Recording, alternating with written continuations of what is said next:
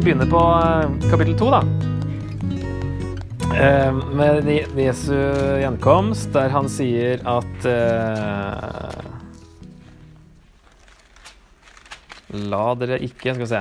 Eh, når det gjelder vår Herre Jesu Kristi komme og det at vi skal samles hos ham, ber vi dere, søsken, la dere ikke så lett bringe ut av fatning og bli ikke skremt, verken av åndsbudskap, av påstander eller av brev som sies å være fra oss, om at Herrens dag alt er kommet. La ingen villede dere på noen måte. Og så kommer liksom det konkrete han sier, for at de skal vite at det kan ikke ha skjedd ennå. Eh, interessant er at det første verset her eh, ble faktisk eh, for meg en sånn veldig motivasjon for å prøve å gå i eh, kirka hver søndag. Hvordan i all verden henger det sammen? Men det at vi skal samles hos ham, det ordet som ligger bak 'samles' på gresk, da, det er episynagoge. Episynagoge, altså det å samles sammen. Eh, og at på en måte hver søndag når vi samles, peker fram mot den dagen vi skal samles når Jesus kommer tilbake. Men for meg så ble det bare sånn Ja, det er liksom hver gang vi møter opp på søndag, så er det liksom sånn vi, vi venter på den dagen vi alle skal samles når Jesus kommer igjen. Eh, så det var en sånn artig motivasjon. Uventet i dette verset. Så eh, bli ikke skremt, sier han, ikke av åndens budskap, eller altså noen har hatt ja, en eller annen ånd som sier noe, eller et uh, åndelig budskap. Påstander, det har vi hørt mange av. Eller da til og med falske Paulusbrev. La ingen villede dere på noen måte. Mulig at de tenkte at alle lidelsene og forfølgelsene de sto oppi, at det enten var et tegn på at de hadde gått glipp av det, at det var en straff, det vet vi ikke. Eller um, at de tolka det som noe slags endetidstegn. Da. Det gjør jo ofte vi òg, kanskje. Um, og det her virker som det er noe av den grunnopplæringen da, som han hadde gitt dem da han var hos dem, siden han sier i Hvis vi leser vers um, fire Skal vi se uh, Ja, fra vers tre. La ingen villede dere på noen måte. For først må frafallet komme, og den lovløse vise seg, han som er fortapelsens sønn. Han står imot og opphøyer seg over alt som kalles Gud og helligdom. Ja, han tar sete i Guds tempel og utroper seg selv til Gud. Husker dere ikke at jeg sa dette da jeg var hos dere? Dere vet jo hva som nå holder igjen, slik at han åpenbarer seg først når hans tid er inne. Lovløsheten virker allerede med sin kraft, men i hemmelighet. For han som ennå holder igjen, først er det det, eller hva, og så er det han som ennå holder igjen, må først bli ryddet av veien. Da skal den lovløse åpenbare seg, han som Herren Jesus skal utrydde med pusten fra sin munn, og tilintetgjøre den dagen han kommer i herlighet. Det er jo et en sånn allusjon til et vers i Jesaja, det her da med 'utrydde med pusten av sin munn', står i fotnotene. Når den lovløse kommer, har han sin kraft fra Satan og virker med stor makt og med under og falske tegn. Med all slags urett forfører han dem som går fortapt, fordi de ikke ville elske sannheten så de kunne bli frelst. Derfor sender Gud over dem en villfarelse som gjør at de tror løgnen. Slik skal de få sin dom, alle de som ikke trodde sannheten, men hadde sin glede i uretten. Så han sier det som skal komme før Jesu gjenkomst, det er to ting. Hvilke to ting, sier han? Hvordan kan de vite at Jesus ikke har kommet igjen ennå?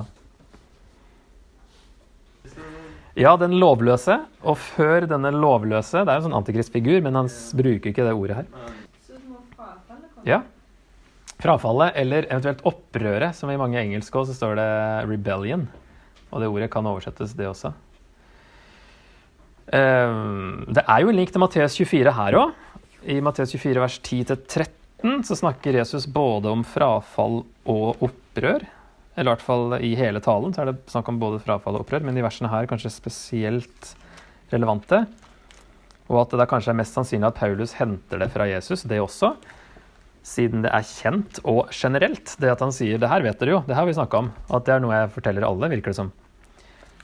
Så i 24.10 så står det Da skal mange falle fra, og de skal angi hverandre og hate hverandre. Mange falske profeter skal stå fram og føre mange vill. Og fordi lovløsheten, der er også ordet lovløshet, tar overhånd, skal kjærligheten bli kald hos de fleste. Men den som holder ut til enden, skal bli frelst. Og det her er jo egentlig om eh, tempelets fall han snakker om. Og når Paulus skriver det her i år 50, så har jo ikke det skjedd. Det er jo interessant sånn tidslinjeproblematikk her. Vil det være annerledes for oss enn for tesalonikerne?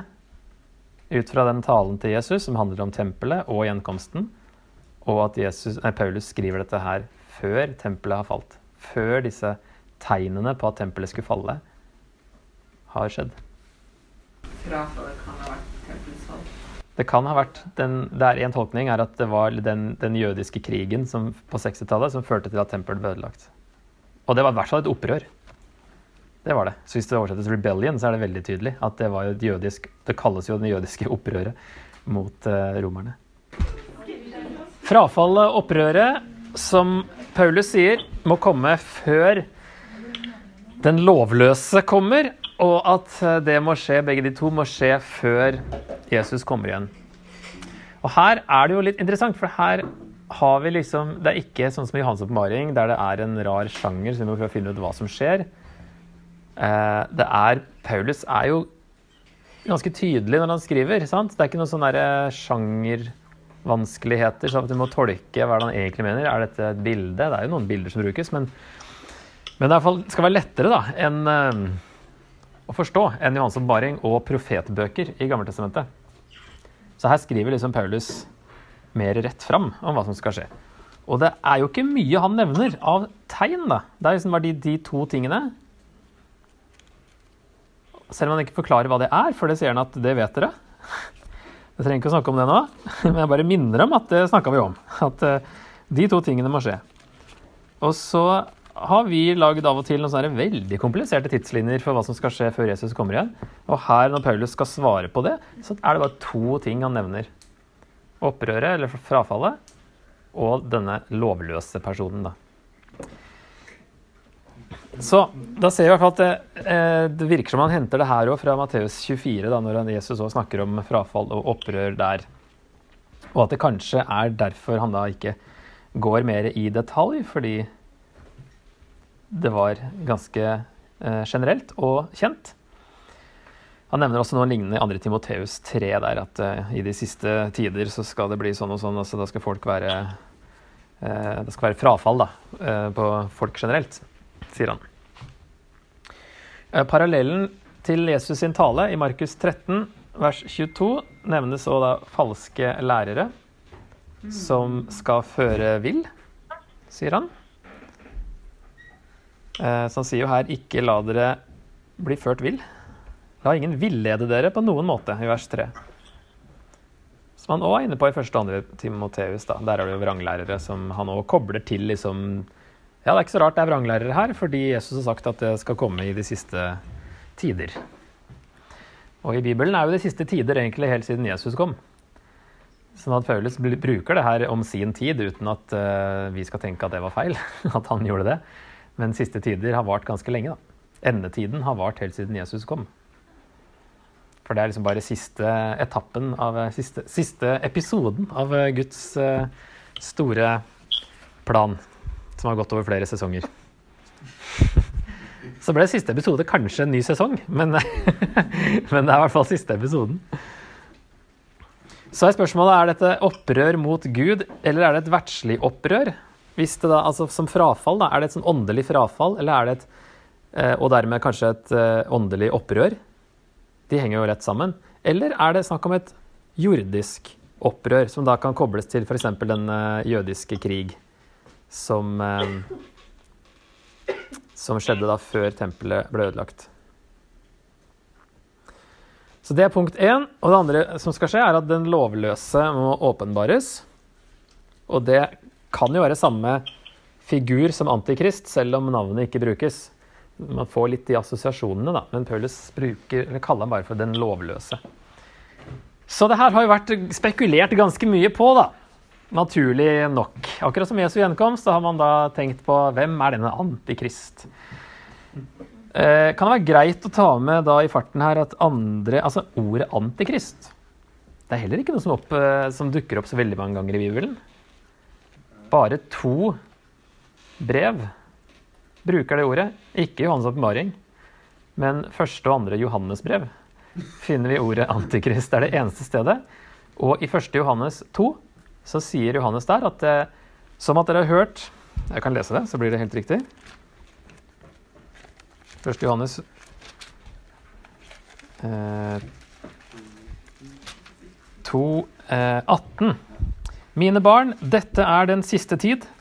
Dere har hørt at Antikrist skal komme, og mange antikrister har alt stått fram. Derfor vet vi at dette er den siste tid. Og så sier han lenger ned at den som fornekter at Jesus er Kristus, han er antikrist, er vers 22. Han som fornekter Faderen og Sønnen. Så Johannes sier at ja, dere har hørt det skal komme en antikrist, men de har allerede kommet, og det er mange av dem. Og det er alle som fornekter Jesus. Så det kan ha med seg det òg, i det her temaet når vi snakker om antikrist. At eh, det er kanskje litt større enn bare én person. Så vi ser en lang liste her. Antikristkandidater fra keiser Nero. Keiser Titus, da var han som ødela tempelet i år 70. Han het faktisk da tilfeldigvis Titus. Mohammed. Vandalen Genserik. Vet ikke hva han gjorde, egentlig. Har jeg notater på det? Nei. Jo, for navnet hans kunne få tallverdien 666. Og da dro man selvfølgelig inn Johans oppmaring. Eh, Fredrik Barbarossa. Pave Paul den sjette. Pave Johannes den tolvte. pavedømmer generelt. Luther fikk noen katolikker til å få eh, tallverdien 666, da. Napoleon. eh, Hitler, det er ikke så rart. eh, Mussolini, Stalin, John F. Kennedy. Jimmy Carter, Ronald Reagan. Gorbatsjov, Henry Kissinger, pave Johannes Paul 2. Kurt Waldheim vet ikke jeg helt så mye om. Men eh, Ja. Willy Brandt, ja. Prins Bernhard, Gaddafi, Habsburg Altså Obama og Trump osv. Stort sett alle amerikanske presidenter. Eh, jeg husker jeg underviste andre tesaloniker en gang. altså Sist så var det mm, under Obama. Og da når man googler 'The Man of Lawlessness', som det heter på engelsk, så kom det masse Obama opp. Googler du nå, så får du opp Trump. Og andre, da. Og eh, ja, altså det er veldig mye sånn um, hele veien. Har vært. Det er ikke mine forslag.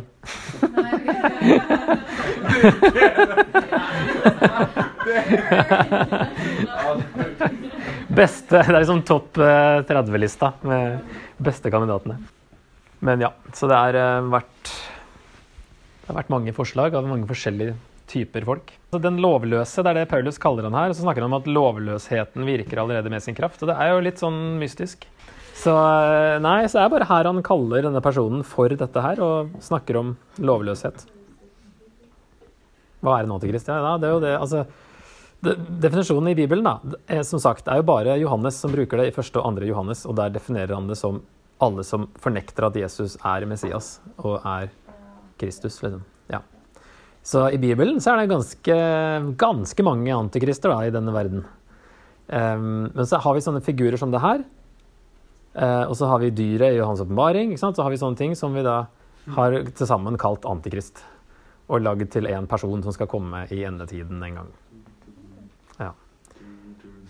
Og det har det vært helt fra starten. Det er veldig fascinerende. Altså. Det er helt fra de eldste skriftene etter at Nytestamentet var ferdig, så har man hatt en sånn forventning om en sånn antikristperson som skal komme. Så det er sånn veldig, veldig, veldig, veldig gammelt. Men antikrist og dyr er det samme? Liksom? Nei, ikke nødvendigvis. Så, men det tenker vi vanligvis, at det er det samme. Men det er, ikke- det er egentlig to forskjellige beskrivelser. Det, kan, altså det er jo en sammenheng. ikke sant? De forfølger de kristne og står Gud imot osv. Men ikke nødvendigvis helt det samme. Men er det sånn at det er det Her har du masse forskjellige folk som har sagt noe. Ja, fordi altså det Paulus han gir jo noen litt mer detaljer her på liksom hva, hvordan han skal oppføre seg, han fyren her. Han skal oppføre seg over alt som kalles Gud og helligdom. Tar sete i Guds tempel, utroper seg selv til Gud. Ehm, har sin kraft fra Satan, virker med stor makt og med under og falske tegn. Med all slags urett forfører han dem som går fortapt. Det er litt mer enn å bare være en politiker som har sagt og gjort et eller annet. Så det er noen Det er liksom ikke bare bare å stemple folk som antikrist. Det må liksom passe litt inn i Eller som the man of lawlessness. Det må passe inn her. I, eh, i definisjonen til Paulus. Eller det han beskriver. I hvert fall, i hvert fall litt mer da, enn det det ofte gjør på denne lista her. Og her når det står antikristkandidater, så er jo det litt ute av kontekst av brevet her, da. For, altså, of, men her slår man sammen the man of lawlessness og antikrist. Ofte. Ja.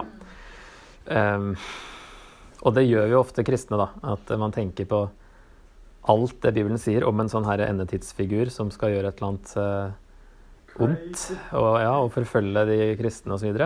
Uh, er liksom en antikrist. Men, eh, men det, er, eh, kan, det kan være nyttig å fall, ja, være klar over at det kan separeres litt. da.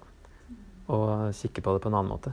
Hva eller han som holder igjen, er den andre nøtta her, da. Fordi før Altså, dere vet hva som Dere vet hva som nå holder igjen. Der er det intet kjønn. Slik at den lovløse da åpenbarer seg først når hans tid er inne. Lovløsheten virker allerede med sin kraft, men i hemmelighet. For han som ennå holder igjen, må først bli ryddet av veien. Det er eh, Nå hadde jeg en liste på sju forslag, men jeg krympa ned til tre. For jeg syns fire av de var ganske tåpelige. Så det er ikke vits å bruke tid på de. Men eh, eh, forslag er da eh, Bonhoffer og en av de som, og flere som har tenkt at det er prinsippet om lov og orden. Og derfor er det snakk om lovløshet. Eh, og da tolker man han som holder igjen, er keiseren, som da for Paulus var den som personifiserte lov og orden. Som sto liksom bak lov og orden. At eh, det har med det Paulus sier i Romerne 13 å gjøre. Der han snakker om, om at myndighetene har sin makt fra Gud og utfører det Gud vil. Holder lov og orden. At det er Guds vilje at vi skal ha eh, rettferdige dommere og et eh, system som virker. da. Og når det går i oppløsning, eh, da er det liksom Da kommer vi på det her som Paulus snakker om. Er det synet? Et annet syn er som Calvin bl.a. blant annet, mente at det var misjonen som var det som holdt igjen. Og da var tenkte Det var vel ikke han som tenkte det, men det er forslag da, at han som holder igjen, kan være erkeengelen Mikael eller en annen engel. Eller Paulus, er det noen som mener.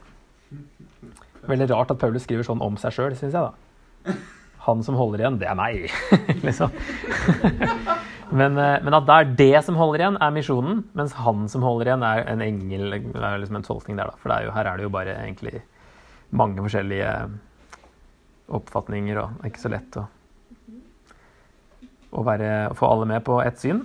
Og tredje er en, keiseren før en keiser som gjorde seg selv til Gud. Og Nero var jo da den første etter Paulus, den første etter år 50, da, som gjorde seg veldig sjøl til Gud. Alle keiserne var liksom ganske sprø, og mange av de ble tilbedt som guder etter de var døde. Eller ofra til, på en måte, etter de, at det ble guddommeliggjort etter sin død.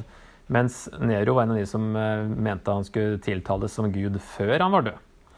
Og da vil da, hvis det er han som da skal sette seg i tempelet og utrope seg selv til Gud, så er det han som holder igjen, er da keiseren før. Og så kan man se visstnok en forbindelse med Claudius, som var keiseren før. At de er knyttet til et latinsk ord for å holde tilbake. Så det er jo en sånn Dette er alternativer til tolkning. Til hva som holder igjen den lovløse. Dere vet hva som nå holder igjen, slik at han åpenbarer seg først når hans tid er inne. Det er noe som holder igjen, holder igjen den lovløse. Så at han åpenbarer seg når tiden er inne. Hva er det som holder igjen? Så sier han at det er han som holder igjen, som skal bli ryddet av veien. Så her, det, her er bare tre syn, altså. Det er ikke at alle tre skal være riktig. Men uh, det er ganske forskjellig syn, som dere ser.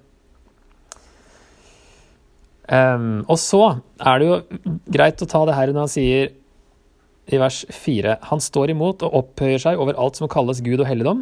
Ja, han tar sete i Guds tempel og utroper seg selv til Gud. Da må vi gå tilbake til Daniels bok.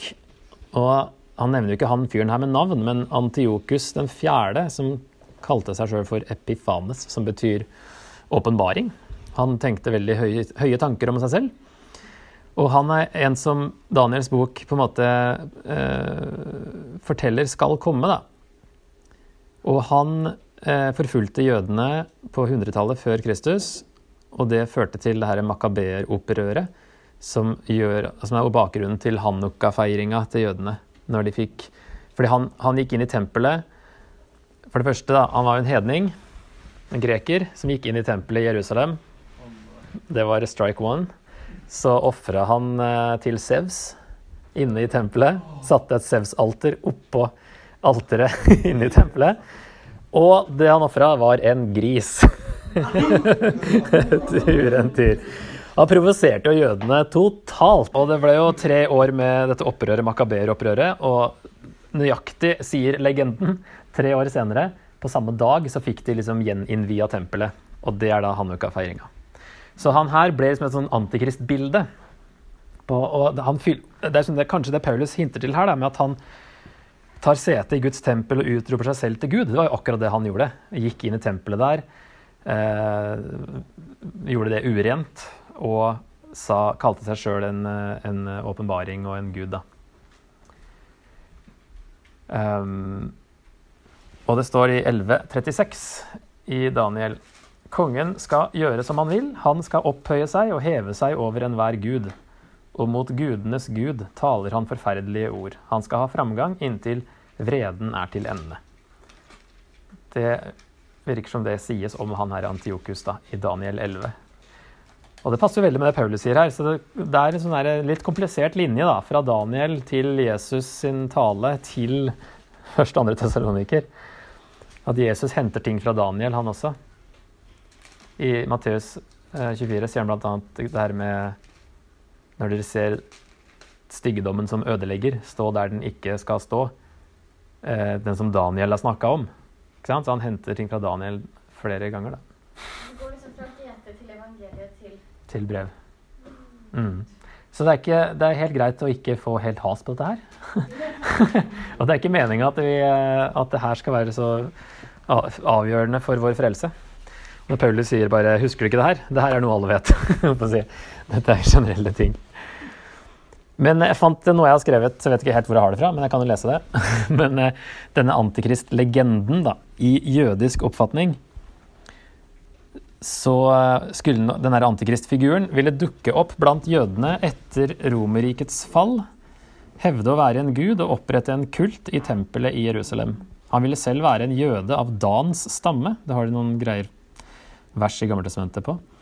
Elia ville komme til syne og stå imot ham, og ville bli drept av dette. Antikrist ville da herske i tre og et halvt år. Sanne troende som nektet å tilbe ham, ville søke tilflukt i ørkenen og bli forfulgt av ham der, men før det er for sent, griper Gud inn. Kanskje ved Mikael eller Messias. Det er liksom denne legenden. Så hvordan den helt har blitt til, er litt sånn rart. Men uh, i hvert fall så har vi han her Antiokus, som, som blir liksom sånn prototype på eh, en antikristfigur. Og at man forventer liksom en antikristfigur skal oppføre seg litt som han, og dermed hinte Paulus til tempelet og sånne ting. Han var konge Altså, etter at Alexander den store døde, så ble riket hans delt i fire. Og så var den Antiokus-slekta var den østlige delen som hadde i Israel. Ja, Syria og eh, Israel, tror jeg. Judea. Så skal vi se da på noen tolkninger av den lovløse. Så er det jo en som er veldig sånn historisk. Um, som går ut fra at altså tolkning 1 da, går ut fra at Paulus bygger fortsatt på Jesu ord i Matteus 24 og eventuelt parallellene i Markus 13 og Lukas 21. Og da eh, forstås opprøret, altså det, frafallet, da, forstås som opprøret og denne her jødiske krigen som var fra år 66 til år 70. Og at den lovløse faktisk er denne general Titus som gjorde tempelet urent og ødela det i år 70. Skal ikke jeg si at alt passer så utrolig godt, men det er i hvert fall en, en veldig sånn historisk tolkning på det. Og Josefus, han jødiske historieskriveren som skrev var øyenvitne til den jødiske krigen, og han er vår beste kilde da, til den krigen. Og han bruker det samme ordet eh, som brukes her om frafall og opprør, bruker han da om den krigen. Det var jo virkelig et opprør mot romerne. Um, ja, her kommer det jeg nevnte i stad, at Jesus snakker om ødeleggelsens styggedom i tempelet og henviser til Daniel i Matteus 24, 15. Paulus ser også ut til å gjøre det når han ser ut til å tenke på Antiokus den fjerde her. Paulus henviser til Matteus 24 i første test også, som vi så. Så det her passer jo med Matteus 24 og parallellene da, ved at enden, altså gjenkomsten, ikke kunne komme før etter år 70. Men ikke dermed sagt med en gang etter dette. Det har vi sett, sant? Han snakker om tegn på tempelets fall og sier at etter det så kan jeg komme når som helst. Og da vil det kanskje passe greit med at det som holder igjen, kanskje var misjonen til hele Romerriket. Ehm, det vil passe liksom med det her, dere vet jo hva som holder igjen. Og Jesus sier at tempelet skal falle før jeg kommer. Så en veldig sånn jordisk tolkning vil jo være det, da. At det som holdt igjen, var tempelets fall, og dette opprøret skulle komme før tempelets fall. Og før tempelet faller, så sier Jesus at eh, da skal alle, eh, alle folkeslag, altså hedningene i deres kjente verden, da, ha hørt evangeliet. Det blir litt komplisert, jeg er veldig klar over det. Men eh? At han sier Det er det jeg merka at nå åpner jeg en can of worms.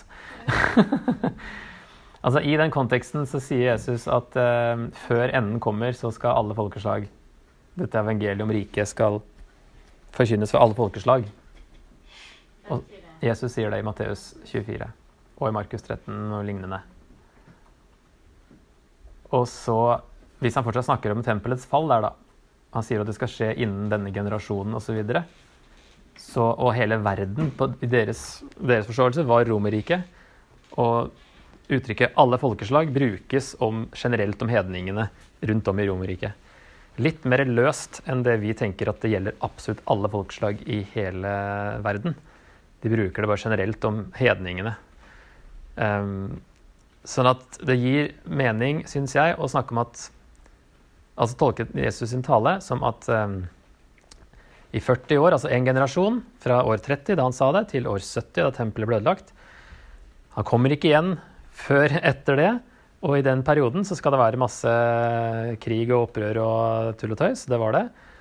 Um, og så ble det jo spesielt det siste opprøret da, på den jødiske krig på 60-tallet. Og så imens, altså før år 70, så hadde eh, evangeliet spredt seg til hele Romerriket. Og det sitter jo Paulus i Roma og skriver i Kolossebrevet f.eks. at uh, all verden har hørt, alt, alle skapninger har hørt.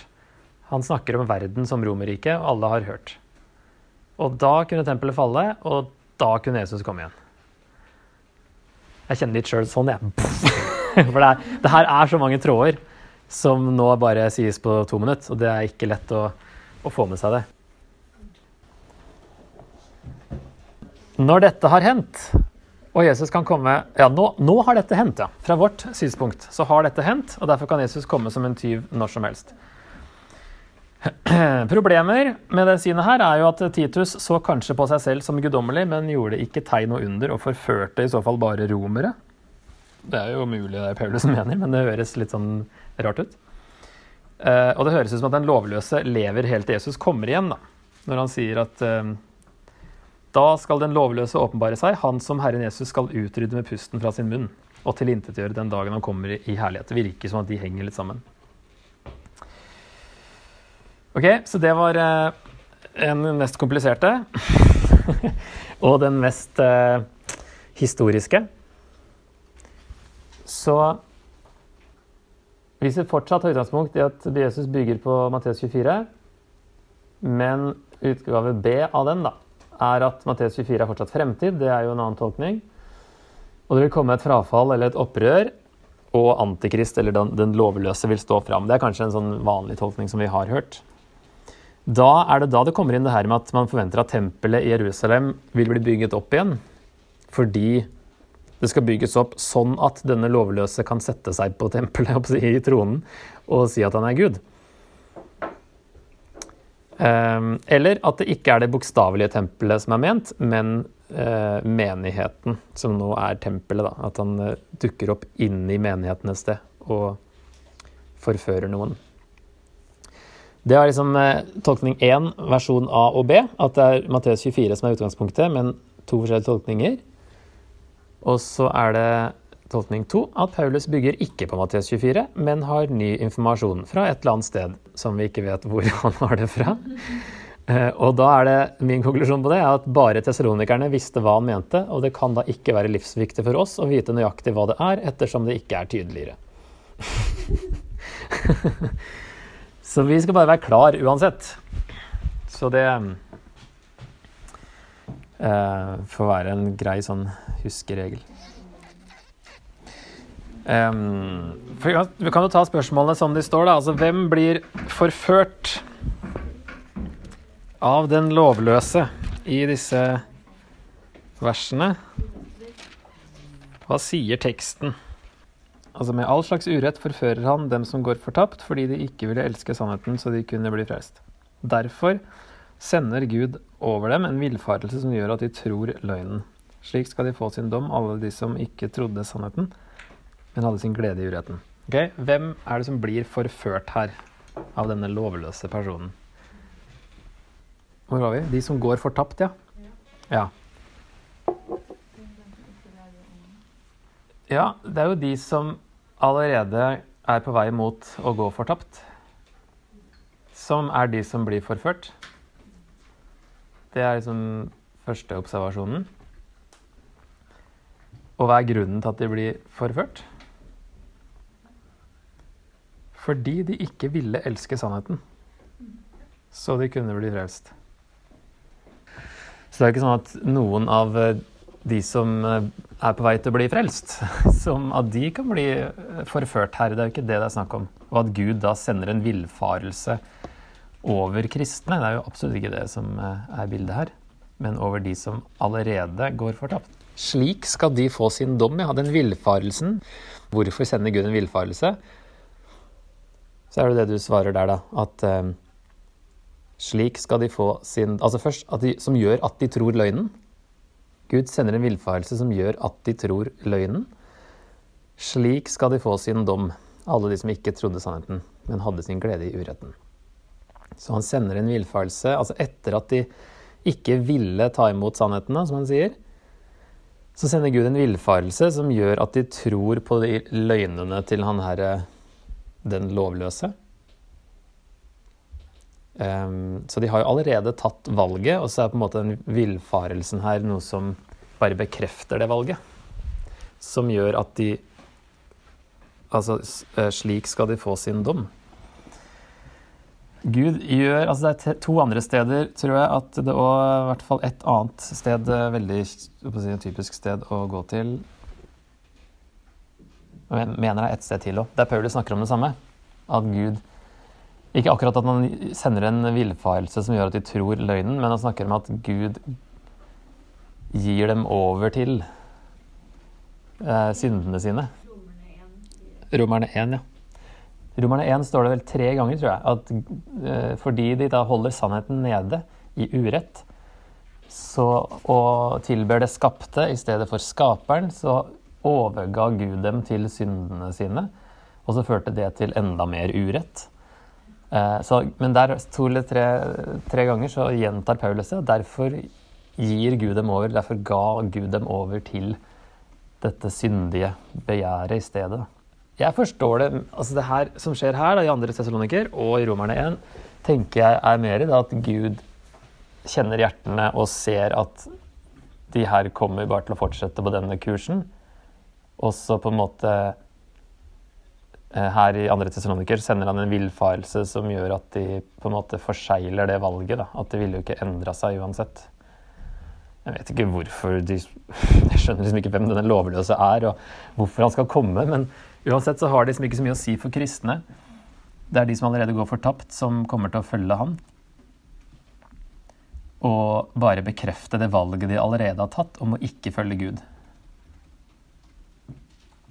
Og i Romerne 1 så er jo da noe av det samme der, at den som tilber noe skapt istedenfor skaperen, vil jo da på en måte Gud Ok, det er ditt valg, det skal du få lov å velge, men det vil si at synden kommer til å ødelegge det mer og mer, og du, det kommer til å gjøre at det bare baller på seg og blir verre og verre.